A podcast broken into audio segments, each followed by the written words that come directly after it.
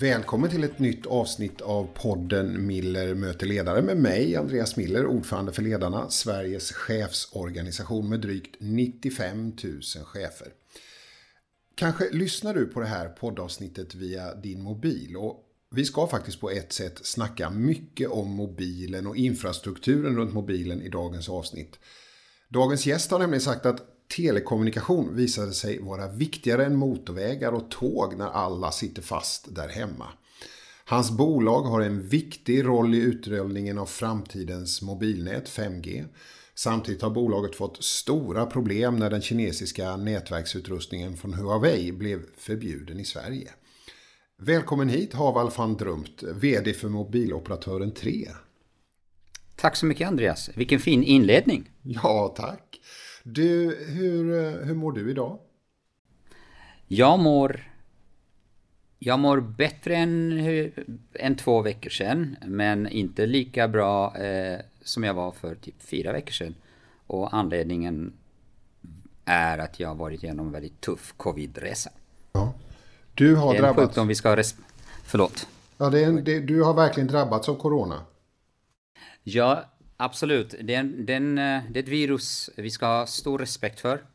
Och jag drabbades eh, väldigt hårt.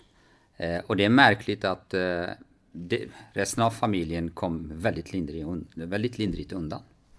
Så, men jag drabbades ja, bra hårt. Du drabbades så hårt så du hamnade på sjukhus, men nu är du därifrån och nu är du tillbaks här. Exakt. Jag fick mina antikroppar till ett väldigt högt pris, så att säga. yes. Nej, men nu är jag tillbaka. Så ett tips till alla, ha respekt för det här. Mm. Det är verkligen någonting vi tar med oss. Eh, och vi ska nu gå vidare i vårt samtal och vi ska få höra en liten kort presentation av dig innan vi går vidare. Haval van Trumt är telekom som deserterade från Iraks armé till Sverige med bara 20 dollar på fickan. Han tog sitt första steg in i telekombranschen genom att tjata sig till en timanställning i en Telia-butik. Sedan dess har han haft höga chefsroller inom Telia, både i Sverige och utomlands.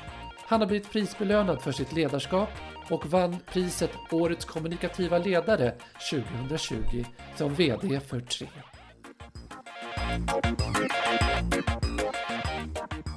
Haval, för 28 år sedan så flydde du från Irak då du deserterade från Iraks armé. Vad var det som gjorde att du flydde? Det vi, anledningen att vi flydde var eh, första... Att Irak har varit i krig hela tiden. Och, och, som kurd och bott i Kurdistan så, så har du, är man alltid utsatt och varit utsatt. Men just eh, 31 mars 91 efter första Kuwaitkriget så jag, jag låg i armén, eh, jag deserterade och då var det hela havet stormar. Eh, Saddam Husseins soldater kom tillbaka efter att kriget eh, avslutades med, med eh, de allierade. Eh, Kuwait var befriat, men då vände han sig eh, framförallt mot, mot kurderna. Eh, vi flydde och så lämnade vi vår stad i Kurdistan. Det blev just det här inbördeskriget, kurder, araber, något jag vill verkligen att ingen ska uppleva. Så vi, det var en morgon, 31 mars. Vi packade våra grejer. Vi sa att vi skulle dra från staden några timmar tills det här lugnade ner sig. Och, och så fortsatte vi hela vägen. Ett, ett år senare, eller ett par år senare landade vi i Sverige. Så vi lämnade verkligen efter frukosten, packade lite jackor och bara försvann och kom och, aldrig tillbaka. Och vilka var ni? Var det, var det din familj då eller? Exakt, det var jag, mamma, pappa eh, och tre syskon. Mm. Var ni, visste ni att vi kommer inte komma tillbaks? Ni hade bestämt er? Nej, det visste vi faktiskt inte. Eh, vi sa att vi försvinner till en annan stad, eller eh, åker till en annan stad eh, och, och, tills det har lugnat ner sig i, i storstaden. Eh, Erbil är eh, Iraks eh, tredje största stad och Kurdistans största stad. Men, eh, men när vi kom på motorvägen, eh, det var fyrfiligt. Alla fyra filer var mot ett håll, norrut, bort från Saddam Husseins armé. Eh, och så helt plötsligt ju längre bort vi kom, desto de följde med hela tiden. Så till slut så var vi nära gränsen till Iran och så drog vi till Iran. På den resan blev Iran, Syrien och så vidare och, och, och så kom vi till Sverige. Det, var, det var väldigt hemskt. 91 var det här. Och när kom du till Sverige? 25 mars 93. Du kan verkligen datumen? Jag kan datumen. De sitter kvar. Och jag kan säga känslan också i, i, i varje läge. Eh, när jag landade i Sverige. Ja, hela känslan, språket. Eh, jag har fortfarande de första ljuden från tunnelbanespåren. Eh, känslan när jag första gången gick genom eh, de här eh, fruktstånden på, i, i, mm. på torget där. Alla de här är kvar. Vad var det du kände? Det var en, en känsla av en frihet som jag inte kan beskriva. Och en frihet som jag inte vågade tro på för att jag visste inte om jag får vara kvar eller ej. Det, det, det är nästan som, jag vet inte hur jag ska beskriva det, eh, när du, du är kär i något men du vågar inte vara kär hela vägen ut. För det kan finnas en risk att du, att du blir besviken. Det här då, det här är ju, det är ju helt livsavgörande för dig. Annars skulle inte du och jag sitta här och prata med varandra och det jobb du har och allting. Liksom. Vad skulle du säga, vad har den här, vad har den här flykten, hur har den här flykten präglat dig som människa? Ja, men det, det är klart att det har präglat mig. Eh, att vara utan mat i elva dagar. Att fly och inte veta hur mycket, hur länge soppan räcker. Eh, hur mycket pengar räcker. Eh, att, att vara i, i länder som Irak, Syrien och så vidare utan att veta om du får vara kvar, om du skickas tillbaka. Det, det som har lärt mig är verkligen respekten för det man har. Respekt för mat framförallt. Respekt för vatten. Jag, eh, jag kan bli väldigt tokig när man eh, borstar tänder eller, eh, eller eh, gör saker med rinnande vatten och inte har respekt för vatten. Jag gillar inte när man slänger mat. Eh, för jag vet vad, vad andra sidan, att, att det fortfarande dör barn utan mat. Det, det är en diskussion jag ständigt har med mina barn. Jag kan vara mitt, ibland har jag faktiskt varit mitt i, i, i ett, ett Teamsmöte eller telefonmöte där jag eh, har hört att Filippa, min dotter, har haft vatten på, vattenkran på så jag går in och, och stänger det. De delarna har jag riktigt stor respekt för. Du, eh, om du tar med dig det in i ditt ledarskap, i ditt sätt att jobba som ledare, hur, har, hur, hur märks det? Där? Ja, men det märks på, på många sätt. Det ena är, jag stressar inte upp mig i onödan. För jag, man kan alltid sätta problemen i perspektiv. Jag, jag tror definitivt att jag har eh, lite fler hudlager. När organisationen blir stressad över någonting så, så, så bara okej, okay, jag agerar ofta som stöddämpare. När vi, när vi klev in i, i det här hela, klev in kanske fel ord, men, men när pandemin slog till i mars förra året backa tillbaks två steg.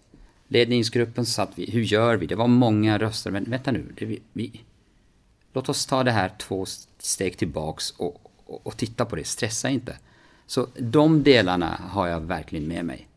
Det är den ena delen. Den andra delen är att våga ta beslut. För när du verkligen har, när du är i lägen där flygplan bombar eller det kommer granater, du måste hela tiden kunna våga ta snabba beslut och förfölja det. Ska jag ta väg A eller väg B? Ska jag gömma mig under det där stenen eller det där trädet? Och så kör du det. Det har jag verkligen med mig. Så, yes. Du, hemma i Irak innan ni flydde så har jag förstått att dina föräldrar hade en elektronikaffär. Eh, eh, är det liksom det här nu att du sitter och är vd för tre? Eh, ser du en linje däremellan den där elektronikaffären och det jobb du har idag? Yes, det gör jag verkligen. Jag skulle föredra att säga hemma i Kurdistan. Ja, men, förlåt. Men, ja, nej, det är helt okej. Okay. Eh, ja, det gör det. Och, och, eh, och som, jag, som jag har sagt eh, i, i tidigare, Ja, det, är min, det är min trygghetszon. Jag var 16 år när jag stod i, i affären och, och, tog hand om det. Jag var 16 år när, när jag på helgerna eh, såg fram emot att få, få nya, ny videolinje eller nya tv-apparater och kolla vilka features de har.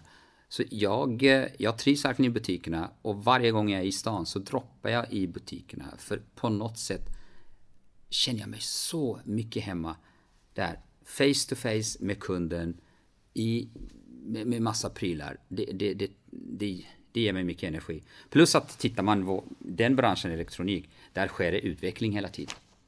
Så yes, det gör jag. Du, eh, vad skulle du säga, vad är mobiltelefonen för dig? Om du skulle liksom försöka filosofiskt och fundera över ett tag. Eh, liksom, vad är det för dig? Vad är mobiltelefonen för dig? Filosofiskt kan vi absolut göra det. Eh, det är två delar för mig. Det ena är mobiltelefonen idag är livets fjärrkontroll. Det är verkligen det. Jag värmer min bil på distans. Jag larmar på min bostad på distans. Jag gör mina bankärenden på distans. Jag gör allt i mobilen. Det andra är, jag har ett så fint minne. Jag var 12 månader i Litauen, jobbade själv och familjen var här. Och, och varje samtal, varje möte med barnen var väldigt värdefullt. Och då kommer jag ihåg när Filippa, min dotter, ringde och sa Pappa, jag ska fika med mina kompisar. Jag, no, jag kommer inte fram till mamma. Kan du swisha till mig? Från Litauen swishar jag pengar till min dotter i Sverige för att hon ska fika med sina kompisar. Det är mobilen, livets fjärrkontroll. Sen kan man ta en, en, en annan, ett, en annan, ett annat spår på det filosofiska ämnet. För mig är mobilen och kommunikation är en av demokratins absolut starkaste pelare. För tittar du idag i Myanmar, i Turkiet ibland har det skett, i Egypten, i, väldigt, många latinamerikanska länder. Så fort är det är folk ute och demonstrerar mot, mot vad det nu må vara. Man stänger av sociala medier, man stänger av mobilen, man stänger av internet. Kommunikation är grunden till demokrati och det är något jag kommer Givet min bakgrund och det regim jag upplevt, jag kommer alltid att försvara ditt löfte. Dessutom demokratiskt på ett väldigt rättvist sätt. För alla idag har tillgång till information till en rimlig peng.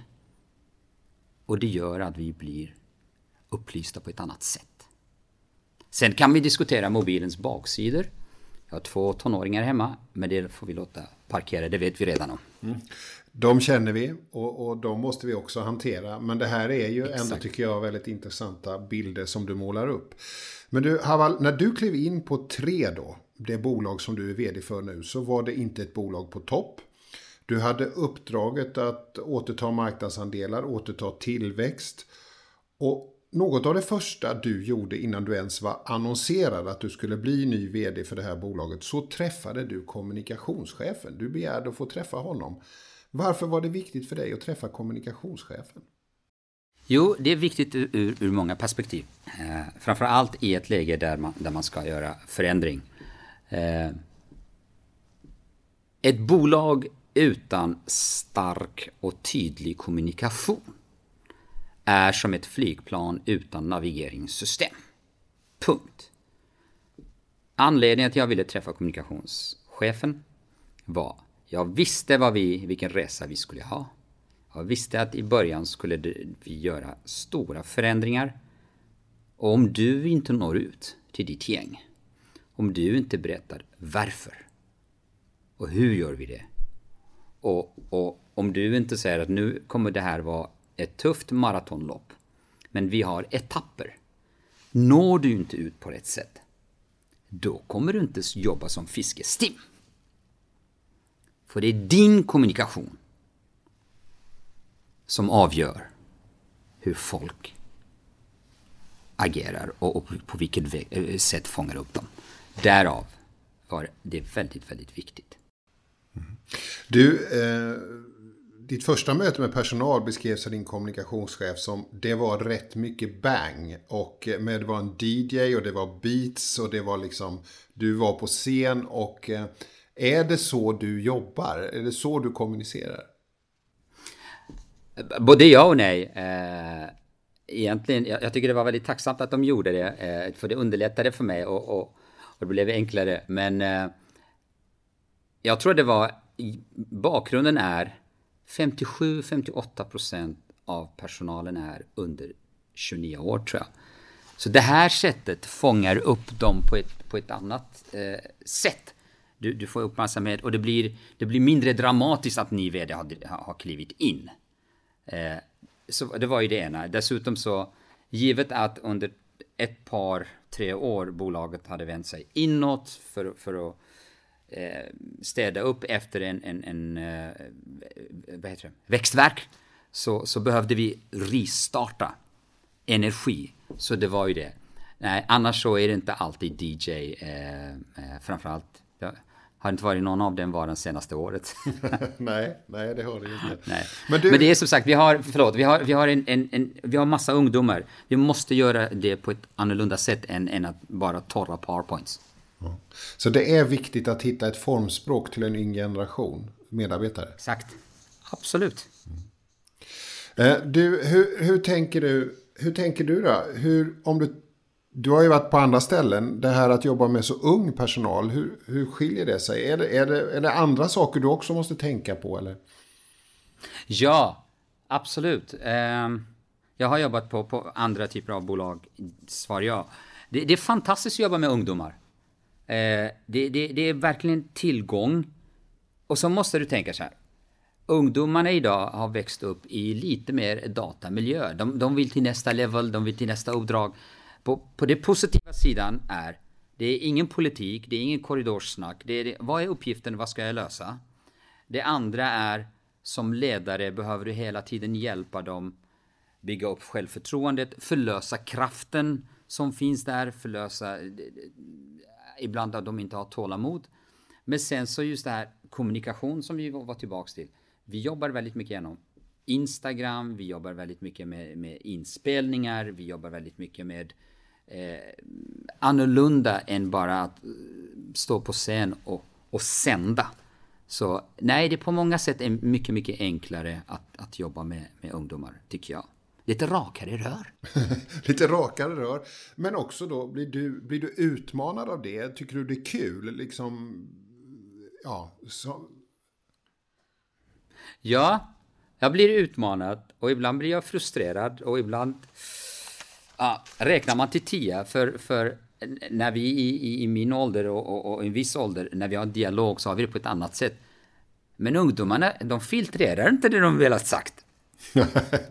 du upplever att det är väldigt rakt på liksom? Ja, det är väldigt rakt på. Och, om det är, och, jag tror att ibland, ibland framförallt i början tänkte jag, fasen, det här, nu, nu provocerar de.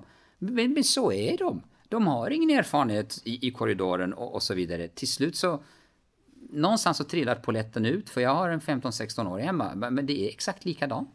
Mm. Så på ett sätt så är underbart, och, men, men ibland är det lite utmanande. Det, det måste jag hålla med. Och vad gör du när du blir frustrerad då? Hur hanterar du den där frustrationen? Jag försöker guida och, och ta dem ett par steg tillbaks varför ett visst beslut togs på detta sättet. Och, och försöka verkligen dela med mig.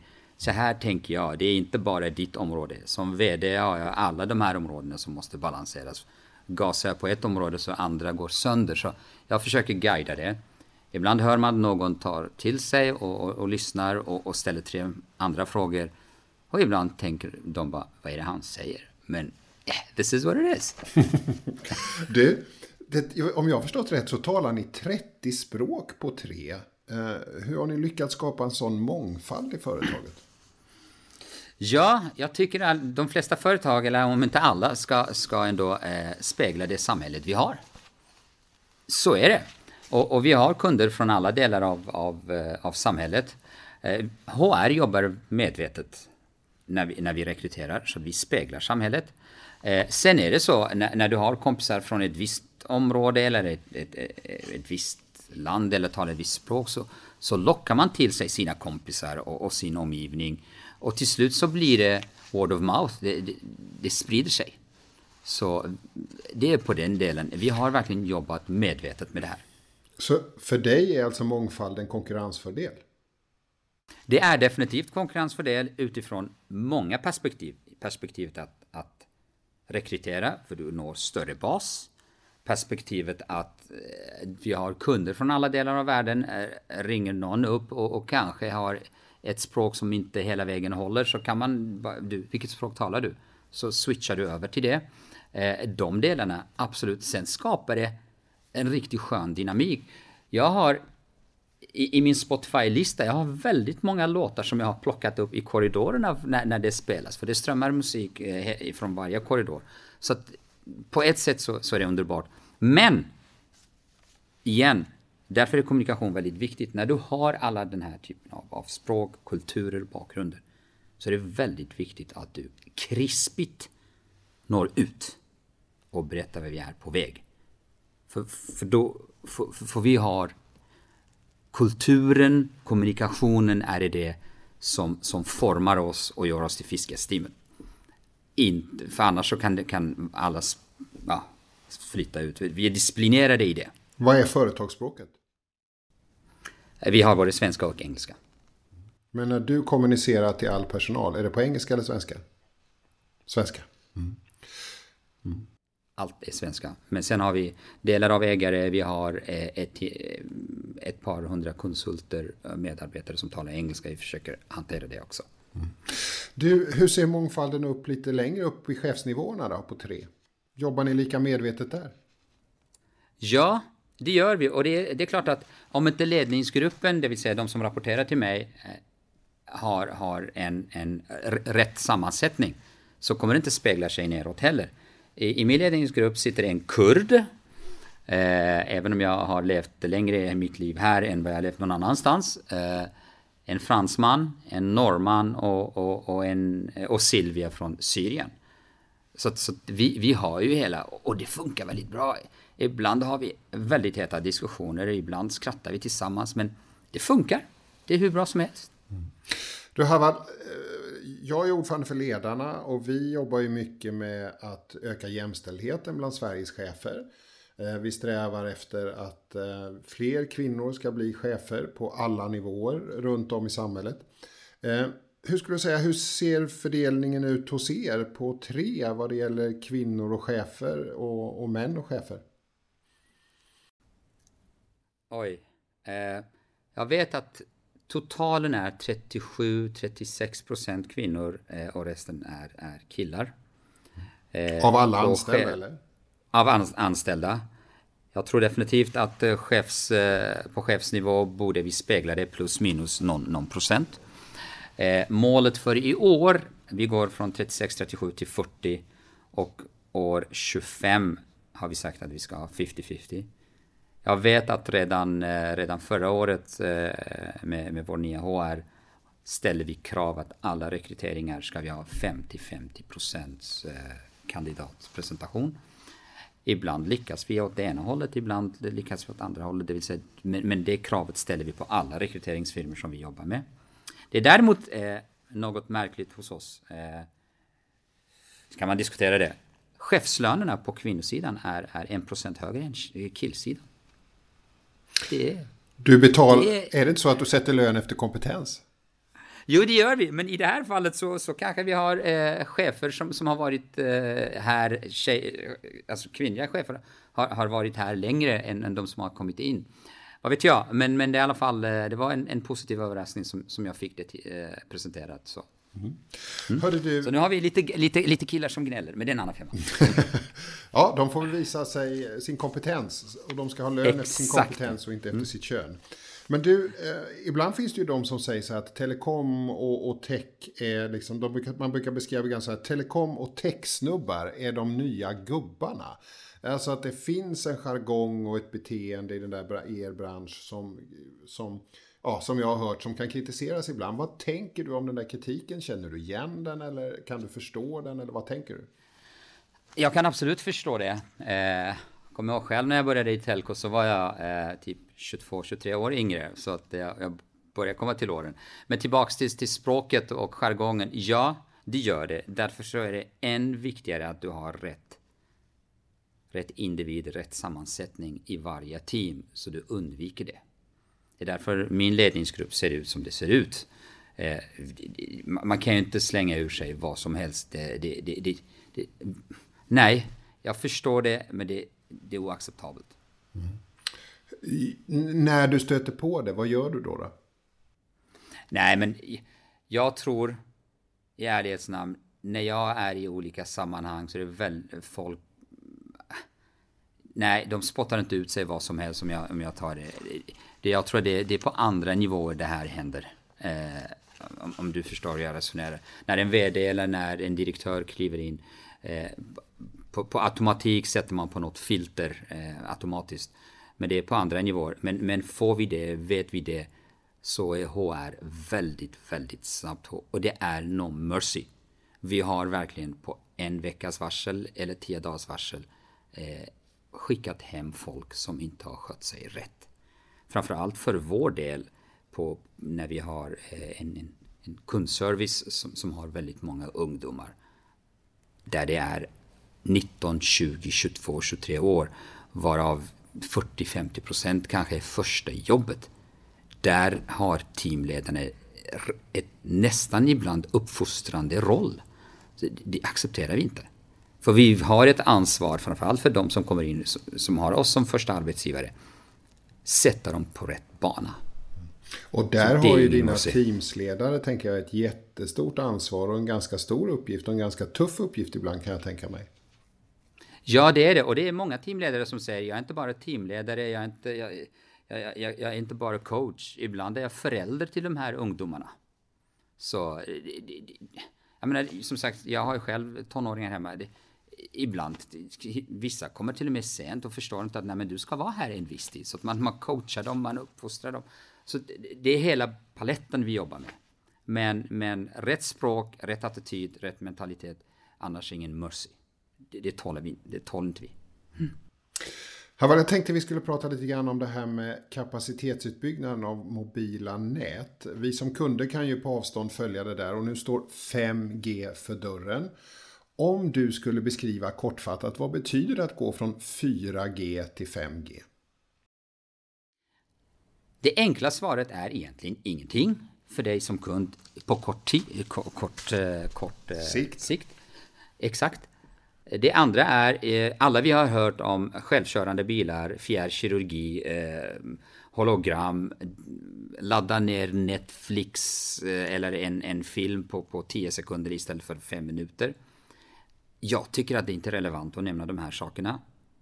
Det jag vill dock säga, det här, det här den här frågan hörde jag när 3G kom och 4G kom. Lite mer parallellen till när iPhone kom väldigt många bolag eh, sa, bland annat Nokia som hade 40% marknadsandelar. Det här, det här kommer inte att hålla, sa de. Folk sa, vad ska jag göra med smartphone? Jag kan skicka bilder, jag kan smsa. Det, det, vi, det vi inte vet när en ny teknologi kommer är att det finns väldigt många innovativa krafter där ute som innoverar på det här.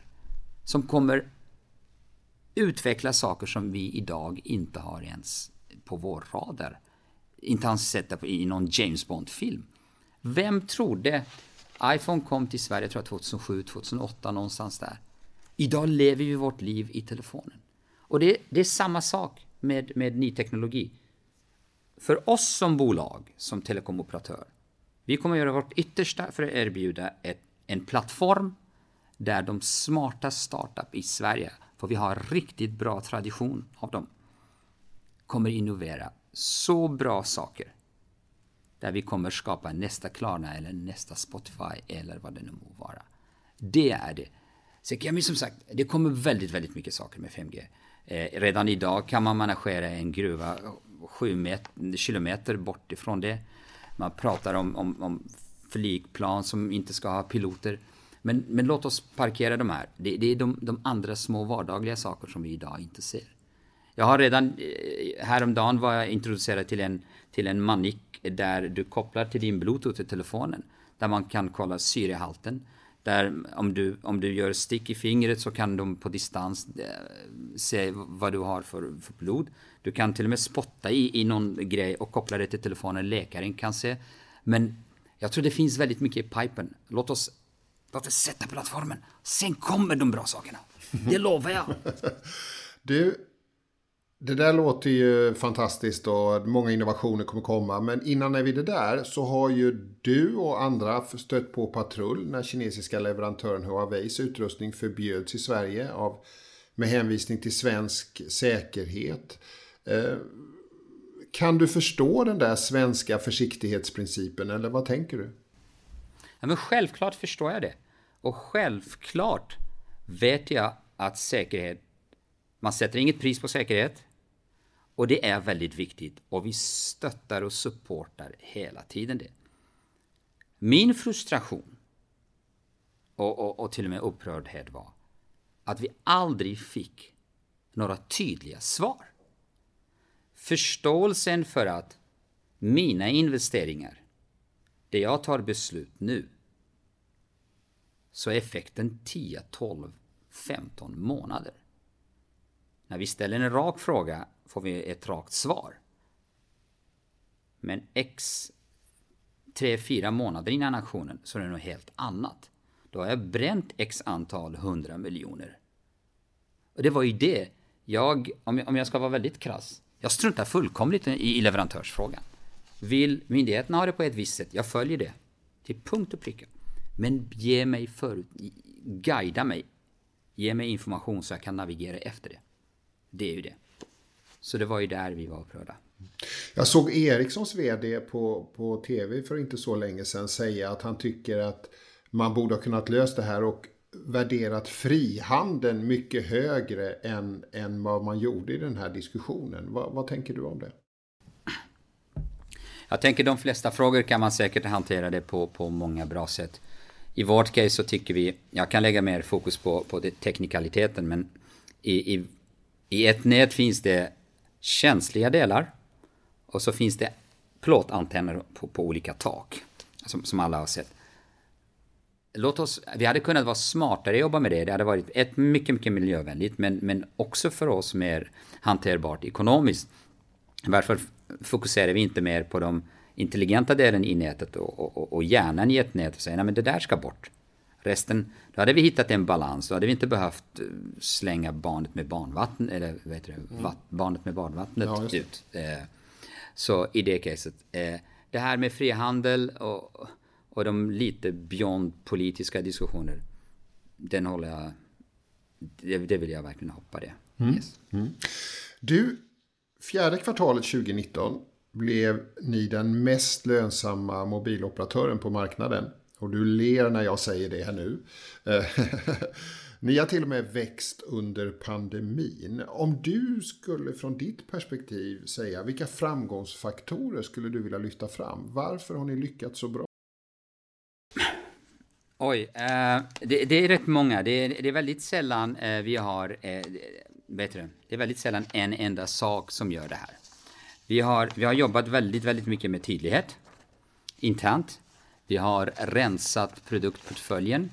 Eftersom jag har jobbat väldigt länge i, i, på butiksgolvet och i butikerna så vet jag att kunder betalar gärna när de förstår vad de betalar för och vad det är de köper. Så, så den rensningen har vi gjort och, och, och smalnat av eh, produkten, produktlinjen. Plus kundnöjdhet har vi gjort det. Nöjda kunder. Det här är en del av det som vi internt har jobbat väldigt mycket med. Sen finns det en verklighet. Vi har tre stora spelare på marknaden som gör sitt yttersta för att låsa marknaden och, och sina kundbaser. Vi som utmanare måste hela tiden vara innovativa, utmana, skapa rörelse och det har vi lyckats med. Vi, för, för, oss, det, det, vi, vi kan inte bara vänta på att saker ska hända. Vi måste skapa vår egna framgång som jag säger, våra egna vågor som vi kan surfa på. Hur, det har vi verkligen hur, jobbat. Hur jobbar du för att hitta de där vågorna då? Hur, hur, hur gör du i din roll? Ja, men I min roll så, hela, jag ligger väldigt, väldigt eh, mycket nära marknaden och, och följer vad, trenderna och vad som händer. Vi jobbar väldigt mycket internt med tydlighet, med kommunikation, vilka mål vi har. Jag jobbar väldigt nära mina ledare som, som jobbar här eh, och stöttar dem och delar med mig min erfarenhet. De delarna jobbar vi med. Sen är det som sagt, eh, nu när pandemin kom, vi förstod att folk behövde mer kommunikation. Och där har vi skapat erbjudanden och, och, och produkter som passar dem. Framförallt hemma och mobila bredbandet där många jobbar från, från eh, landet. Du, om, om, det är ju ut mot kunden, men du, ni byggde ju ett helt nytt kontor som ligger i Stockholm, granne med Globen. Och sen kom pandemin och medarbetarna flyttade hem. Eh, vad, hur har det där påverkat? Liksom, ni jobbar också hemifrån och, och hur, hur har det funkat för er? Ja, det, det, har, det har på många sätt funkat bra. Jag menar, 2020 var ett av våra starkaste år, så där har vi, eh, där är alltid en fördel med att ha unga medarbetare. De, de anpassade väldigt snabbt, så jag tror det var mitten mars vi skickade hem alla. Och dels för att skydda dem, men dels för att skydda de väldigt känsliga rollerna vi har som bevakar nät, övervakar IT, så att de inte skulle bli sjuka. Så det har funkat. Men sen märker vi nu signaler på att framförallt de unga, de vill komma tillbaka. De unga bor inte stort. De bor oftast i en tvåa, max en trea. Jag har suttit i möten där folk säger, nej, om det ekar så är det bara så du vet, min kille sitter i köket och jag sitter i badrummet. Så, så den delen finns. Så det, vi har väldigt många ungdomar som vill komma tillbaka. Men sen så har, tittar vi på den positiva sidan av det. Och, och, som du inledde, under en tid så vi blev uppmanade att, och det är fortfarande så, inte åka tåg, inte åka buss, flygplanen är grundade. Medan telekommunikationen gör att Sverige fortsatt producerar. Och det är det som är styrkan i vårt land. Vi har fler aktörer som parallellt erbjuder elektroniska motorvägar där vi kan kommunicera och producera. Jag har suttit med telefon, i telefonmöten, Teamsmöten med många delar av Europa och Asien. Det är crappy. Det funkar inte. Medan vi i Sverige med stolthet kan pusha. Och det är där jag uppmanar regeringen att inte slappna av. Håll garden uppe. För det här är vår sport. Kommunikation, IT, där ska vi leda. Och därför var det lite trist att det blev så med 5G. Men, men nu är vi på banan. Yes. Jag vet inte om det var svar på frågan, men yes. Det var absolut ett svar på frågan. Du, eh, för ledarna så är chefens roll i omställningen till ett hållbart samhälle helt avgörande. Det vill säga att chefen är verkligen viktig om vi ska ställa om till ett hållbart samhälle. Eh, hur, hur jobbar ni med hållbarhetsfrågorna? Hur bidrar ni som mobiloperatör till en hållbar konsumtion skulle du säga? Vi gör väldigt mycket. Precis innan jag kom till det här mötet så fick jag eh, ett mejl från eh, eh, en av våra ägare och, och vill veta hur, hur, vi köper el. Och så visade det sig att 86-87% av el vi köper är förnybart. Alla i min ledningsgrupp kör eh, miljövänliga bilar. Vi har till och med eh, på, på andra nivå eh, gjort om att vi har miljövänliga eller mindre motorer i bilarna. Eh, vi försöker definitivt få bort så mycket papper. De delarna jobbar vi väldigt mycket med. Sen har vi ett program eh, som heter Buyback där vi köper tillbaka gamla telefoner från, eh, från eh, kunderna. Eh, som, som refreshas någonstans och, och, och säljs vidare eh, till en annan. Så det är väldigt mycket delar. Sen är det inte liksom, man är aldrig klar i de här frågorna. Vi måste hela tiden flytta fram positionerna. Och det är därför vi har eh, anställt två personer, varav en av dem har bara jobbat med den här typen av frågor med stora företag som ska hitta fler stenar som vi kan vända på. Det gör vi, det, har, det är ett ansvar vi har. Och vet du vad, det är också en konkurrensfördel när du, när du rekryterar folk. Okej, okay. hur märker du det? Mm. Det märker vi. Det ställs frågor hur vi bidrar till samhället. Hur, vad är det för tid, vad köper vi våra Eh, om vi köper saker från fel länder till och med ställs frågor idag. Så de delarna är, är på radar och börjar bli en fråga som vi får. Så du, Så som, inte... för, du, ni som företag måste vara på tå i de här frågorna för att vara attraktiva för goda talanger. Exakt, absolut. Och det, det, det, jag menar är, det är inte bara politikerna som pushar eller vi ledare som pushar. Nu kommer det underifrån. Och det är det det fina, när det kommer underifrån. Då, då blir det momentum. Mm. Haval van Drumt, väldigt spännande att få prata med dig eh, i den här poddavsnittet om Mille möter ledare. Vi ska, vi ska strax avsluta, men innan vi gör det så ska du få möjlighet att ge ett råd till andra chefer som lyssnar på den här podden. Nu har man fått många råd på vägen här, men om vi tänker så här, om jag som chef kliver in som ny chef i ett företag som inte är på topp. Vad är det viktigaste att göra först? Det absolut väldigt viktigaste att göra, och det har jag gjort sedan dag ett jag blev chef, oavsett roll. Säkerställ vad är det som förväntas av dig. Sen ska du lyssna med den ledningsgrupp du har. Om de är på samma planet. Ja eller nej, sen tar du själv besluten. Och så ska du sen säkerställa att du har folk som supportar dig och vill vara med på den resa som ägarna kräver från dig och som du har satt eh, kartan till. De här delarna är väldigt viktiga. Kom ihåg, det är ingen one man show. Det är hela ledningsgruppen som ska göra det. Och har man inte köpt sig på din resa, då kommer du inte komma dit. Sen tre saker som jobbar jag alltid med. Tydlighet. I, och det är kommunikation hela tiden. Få mål men krispiga. Och sen exekvera du. Vik inte av. Så. Mm. Jag måste säga att det har varit väldigt krispigt att lyssna till dig. Tack så mycket. Och få träffa dig.